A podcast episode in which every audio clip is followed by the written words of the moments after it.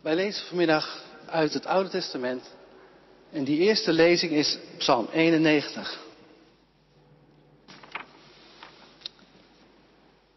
En Psalm 91 luidt als volgt.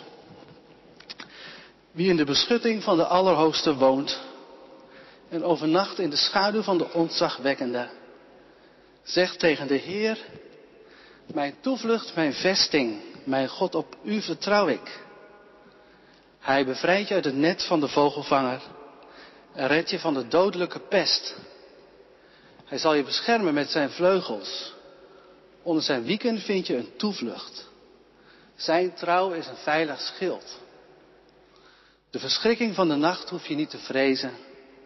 Ook de pijl niet die overdag op je afvliegt. Noch de pest die rondwaart in het donker. Noch de plaag die toeslaat midden op de dag. Al vallen er duizend aan je linkerzijde en tienduizend aan je rechterhand. Jou zal niets overkomen. Open je ogen en zie hoe wie kwaad doen worden gestraft. U bent mijn toevlucht, Heer. Als je mag wonen bij de Allerhoogste, zal het kwaad je niet bereiken. Geen plaag je tent ooit treffen. Hij vertrouwt je toe aan zijn engelen, die over je waken waar je ook gaat. Hun handen zullen je dragen. Je voet zal je, zul je niet stoten aan een steen. Leeuw en adder zul je vertrappen. Roofdier en slang vermorzelen. Ik zal bevrijden wie mij lief heeft en beschermen wie met mijn naam vertrouwd is. Roep je mij aan, ik geef antwoord. In de nood zal ik bij je zijn. Je bevrijden en met roem overladen. Je overvloed geven van dagen. Ik zal je redding zijn. De Nieuwtestamentische lezing is uit het boek Marcus, uit het Evangelie naar Marcus, hoofdstuk 4, de versen 30 tot en met 34. En Jezus zei, waarmee kunnen we het koninkrijk van God vergelijken? En door welke gelijkenis kunnen we het voorstellen? Het is als een zaadje van de mosterdplant. Het kleinste van alle zaden op aarde wanneer het gezaaid wordt. Als het na het zaaien opschiet, wordt het het grootste van alle planten en krijgt het dikke, grote takken, zodat de vogels van de hemel in zijn schaduw kunnen nestelen. Met zulke en andere gelijkenissen maakt hij hun het goede nieuws bekend, voor zover ze het konden begrijpen. Hij sprak alleen in gelijkenissen tegen hen, maar wanneer hij alleen was met zijn leerlingen, verklaarde hij hun alles. Gemeente van Christus, een aantal jaar geleden werd ik gevraagd de begrafenis te leiden van een oudere dame die bijna 100 jaar was geworden. En haar kinderen vertelden dat de dienst over Psalm 91 moest gaan. Dat was haar uitdrukkelijke wens, zeiden ze. Eigenlijk snap ik dat niet, zei een van haar zoons. Want ze heeft de oorlog meegemaakt. Ze heeft honger geleden. Ze is verschrikkelijk ziek geweest. Ze heeft honger geleden, inderdaad. Ze is verschrikkelijk ziek geweest en haar is van alles dus overkomen. En dan moet het dus over zo'n psalm gaan, zei hij, waar klip en klaar in staat dat het kwaad jou niet zal bereiken. En dat jou niet zal overkomen. Dat klinkt mij te tegenstrijdig, zei hij. Maar goed, mijn moeder, mijn moeder had er steun aan en dat respecteer ik. Ik wil niemand beledigen hoor, maar u ook niet trouwens. Onze lieve Heer ook niet. Maar ik kan niks met zo'n psalm. Hij klopt gewoon niet. Ik ben eigenlijk wel benieuwd wat jij in de kerk of jij achter het scherm thuis dacht toen wij Psalm 91 lazen. Ik zeg niet jij om heel amicaal over te komen, maar omdat de psalm jou en mij zo rechtstreeks, zo persoonlijk aanspreekt. Hij bevrijdt je uit het net, zegt hij tegen jou en mij. Hij redt je van een dodelijke ziekte. Hij zal je beschermen. Hij zal de verschrikking, de verschrikking van de nacht hoef je niet te vrezen. Plagen treffen jou niet. Al vallen er duizenden mensen om jou heen, jou zal niets overkomen. Je zult op handen gedragen worden door zijn engelen. Je zult zijn voet, je zult je voet nooit stoten. Hij geeft antwoord als je hem aanroept. Hij zal in de nood bij je zijn. Hij geeft je een overvloed aan dagen. Wat vind je daar nou van? Rijmt die psalm nu nog een beetje op jouw leven? Klopt die volgens jou? Zou jij hetzelfde zeggen als bijna die, die bijna één eeuw oude mevrouw? Of ben je het eens met die zoon? Dat deze psalm gewoon eigenlijk niet klopt? Of ben je eigenlijk al lang innerlijk afgehaakt en heb je helemaal geen mening meer over? Dat kan natuurlijk ook. Ik kan niet voor u spreken, dus laat ik zeggen wat ik dacht. Ik kies nog even niet tussen die twee. Tussen die moeder en die zoon. Die keuze laat ik nog even voor wat het is. Want ik vind het wel een prachtige psalm. En dat spreekt een enorm geloofsvertrouwen uit. En volgens een kenner van de psalmen zelfs een wereldoverwinnend geloof. Dus deze psalm roept bij mij ook wel het verlangen op dat het leven zo zou zijn. Maar ik ken niemand bij wie het leven zo is. Ik ben nog nooit iemand tegengekomen bij wie het geestelijke leven zo rimpelloos verliep. Deze psalm rijmt niet ook met mijn leven. En ik moet eerlijk zeggen dat hij naast verlangen bij mij ook wel weer revel opriep toen ik hem weer bestudeerde. Want het is toch naïef om bijvoorbeeld tegen mensen te zeggen dat geen plaag jouw tent ooit zal treffen. Waar is de nuance in deze psalm? Waar is de harde realiteit? De harde realiteit van het leven van alle dag. Je zet met zo'n ideale psalm toch mensen in feite op voor een teleurstelling. Ik kom wekelijks bij mensen die niet gered worden door een van een dodelijke ziekte. Gelouterde gelovigen hoor. Maar die net als ieder andere te horen krijgen van de, hun oncoloog dat ze niets meer voor hen kunnen doen. Ik ken mensen die 35 jaar bidden. Of ze iets van God mogen horen en ze hebben nog nooit iets van hem vernomen, zeggen ze. In alle eerlijkheid. En zo zal jij je mensen kennen. De verhalen van mensen om je heen of je eigen verhaal. Deze psalm kan je woedend maken.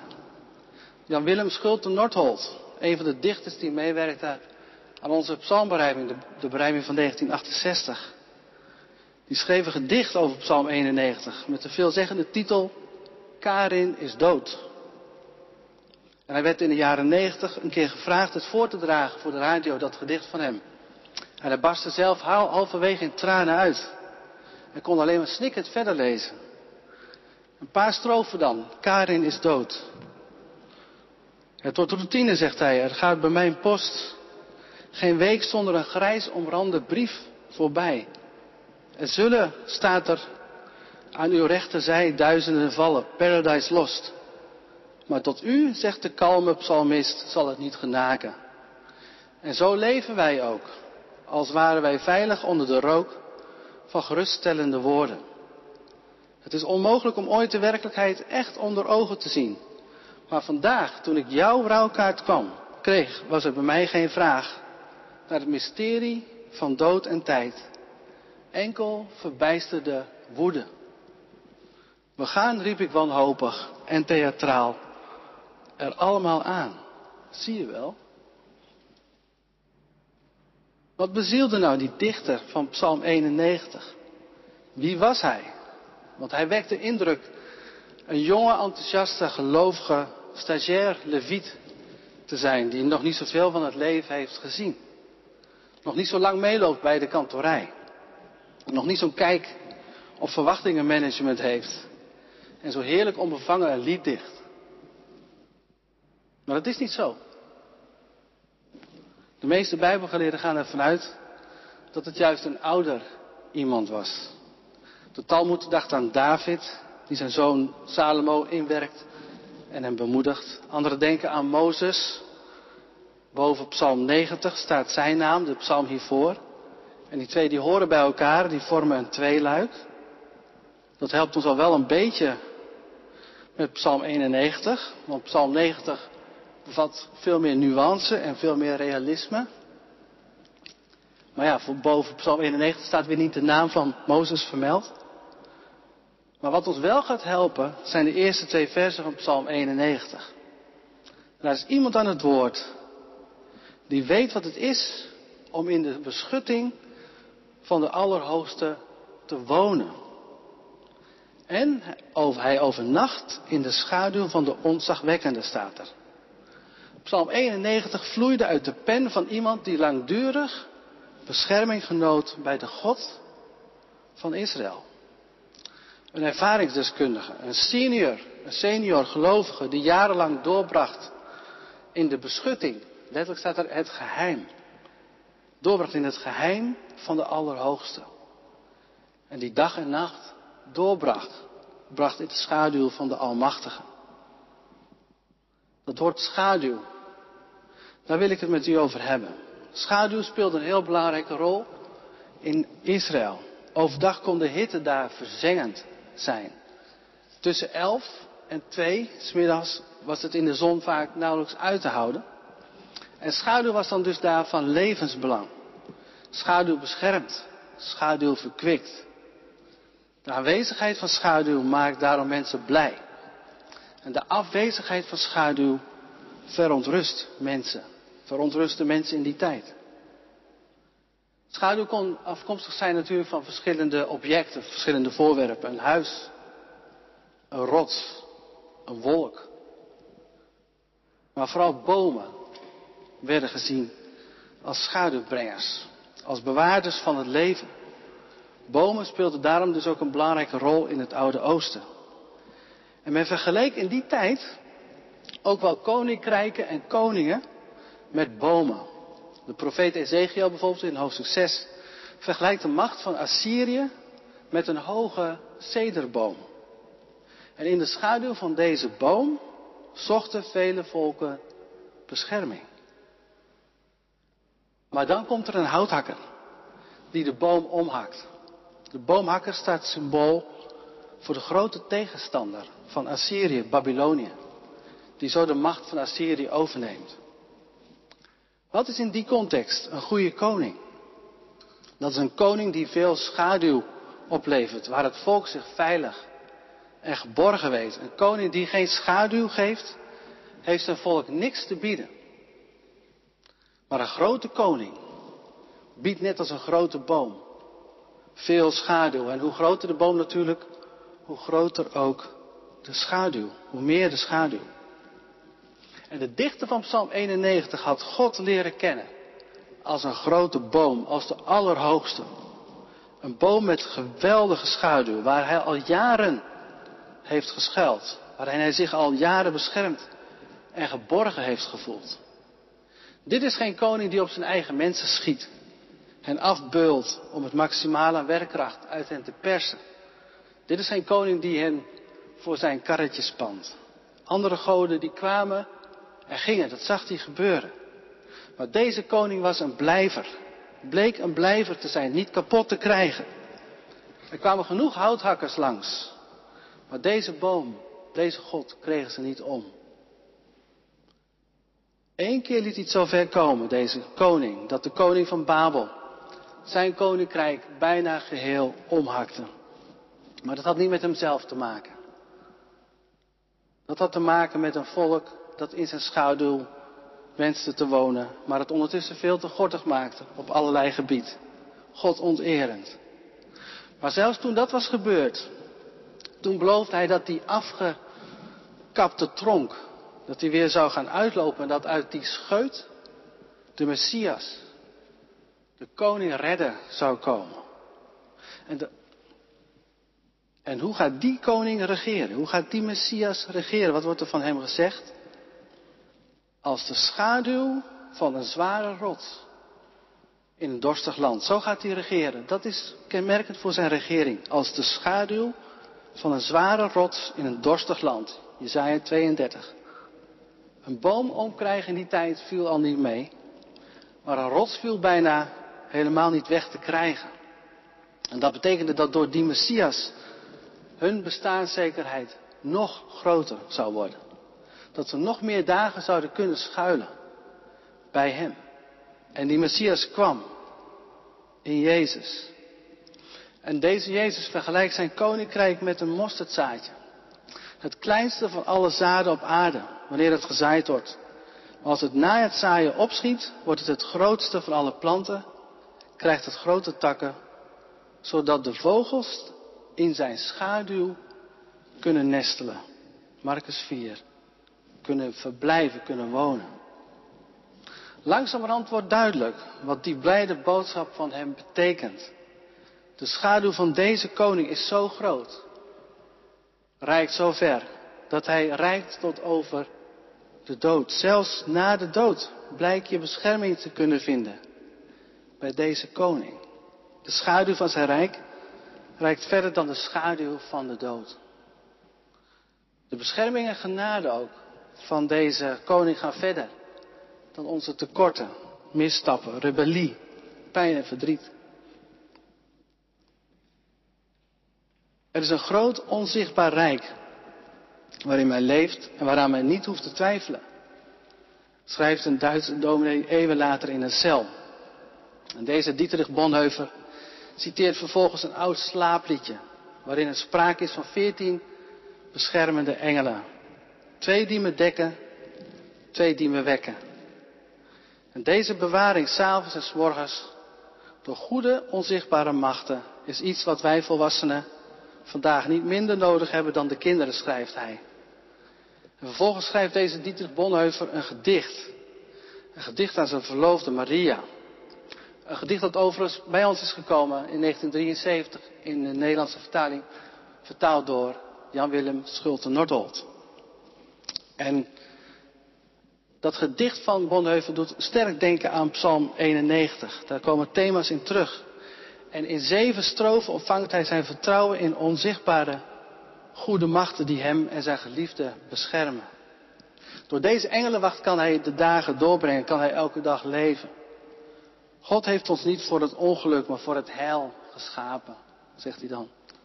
En zijn gedicht gaat over in een gebed. Geef Heer onze opgeschrikte zielen dan dat heil. Maar als u, Heer, ons tot de rand, een tot de rand toegevulde bittere beker van het lijden aanreikt, dan zullen we die dankbaar en zonder beven aannemen. Want het is een goede en geliefde hand die hem ons geeft, zegt, kan hij dan zeggen. En Bonhoeffer krijgt die beker te drinken. Na een preek over Psalm 53 over de koninkrecht komen ze hem halen. En hij wordt geëxecuteerd. Uit naam van een leider die zijn volk geen enkele schaduw bood. Maar Bonhoeffer wist waar hij naartoe ging. Dit is het einde, zei hij, maar voor mij een nieuw begin. Hij wist naar wie hij ging. Een koning bij wie hij voor eeuwig kon schuilen. In zijn schaduw kon verblijven. Dit is voor mij een nieuw begin, zei hij. Hoe kon hij dat zo zeggen? Alles leek het tegendeel te bewijzen. Voor het oog was dit toch zijn levenseinde. De woorden waren een beleidenis.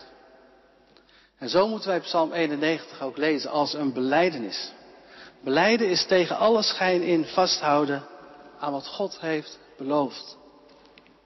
Die mevrouw van 100, bijna 100, die had dat begrepen. Die begreep net als Bonhoeffer in het dichter van Psalm 91 dat beleiden tegen alle schijn is vasthouden van wat God heeft beloofd. Dat had die mevrouw goed begrepen. En haar zoon? Haar zoon die had heel goed begrepen hoe moeilijk beleiden is. Te midden van veel dat niet klopt, Christus blijven volgen. En binnen zijn schaduw blijven. Amen.